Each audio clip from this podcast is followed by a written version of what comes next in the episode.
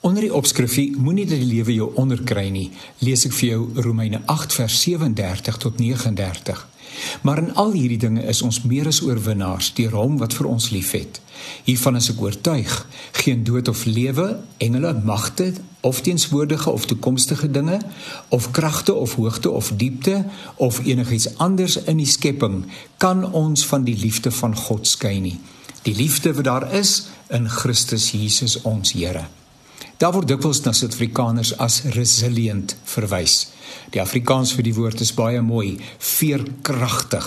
Dit beteken Suid-Afrikaners het die vermoë om terug te bons, ongeag hoe groot die uitdagings en teleurstellings mag wees. Maar veerkragtigheid behoort vir alle eienskap van Christene te wees. Christene beleef soos enige ander mense trauma, hartseer, teleurstellings ensovoorts. Niemand word dit gespaar nie. Romeine 8 is 'n nugter kykie na die lewe. Mense wat 'n lewe van voorspoed en geluk onder alle omstandighede vir Christene voorhou, net omdat hulle Christene is, lees die Bybel nie baie mooi nie.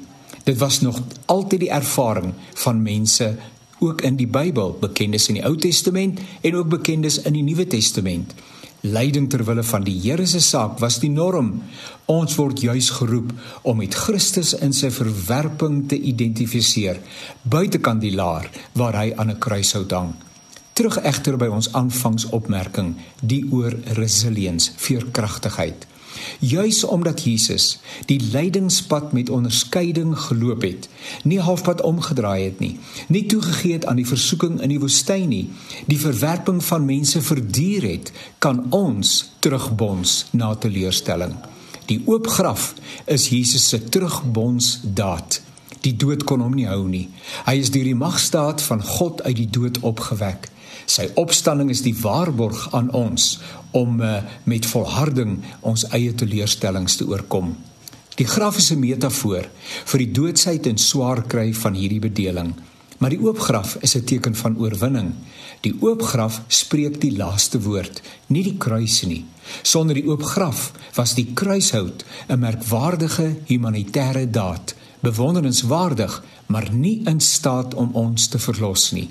Dit mag wees dat jy jouself tans op 'n slegte plek bevind. Ek is jammer daaroor en vertrou dat dinge aanstonds verander. Moenie dat daardie omstandighede jou definieer nie.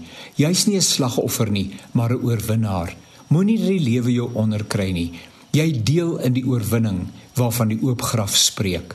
Bons terug met die veerkragtigheid waarin Christene se lewens gekenmerk word. Bons terug vandag nog.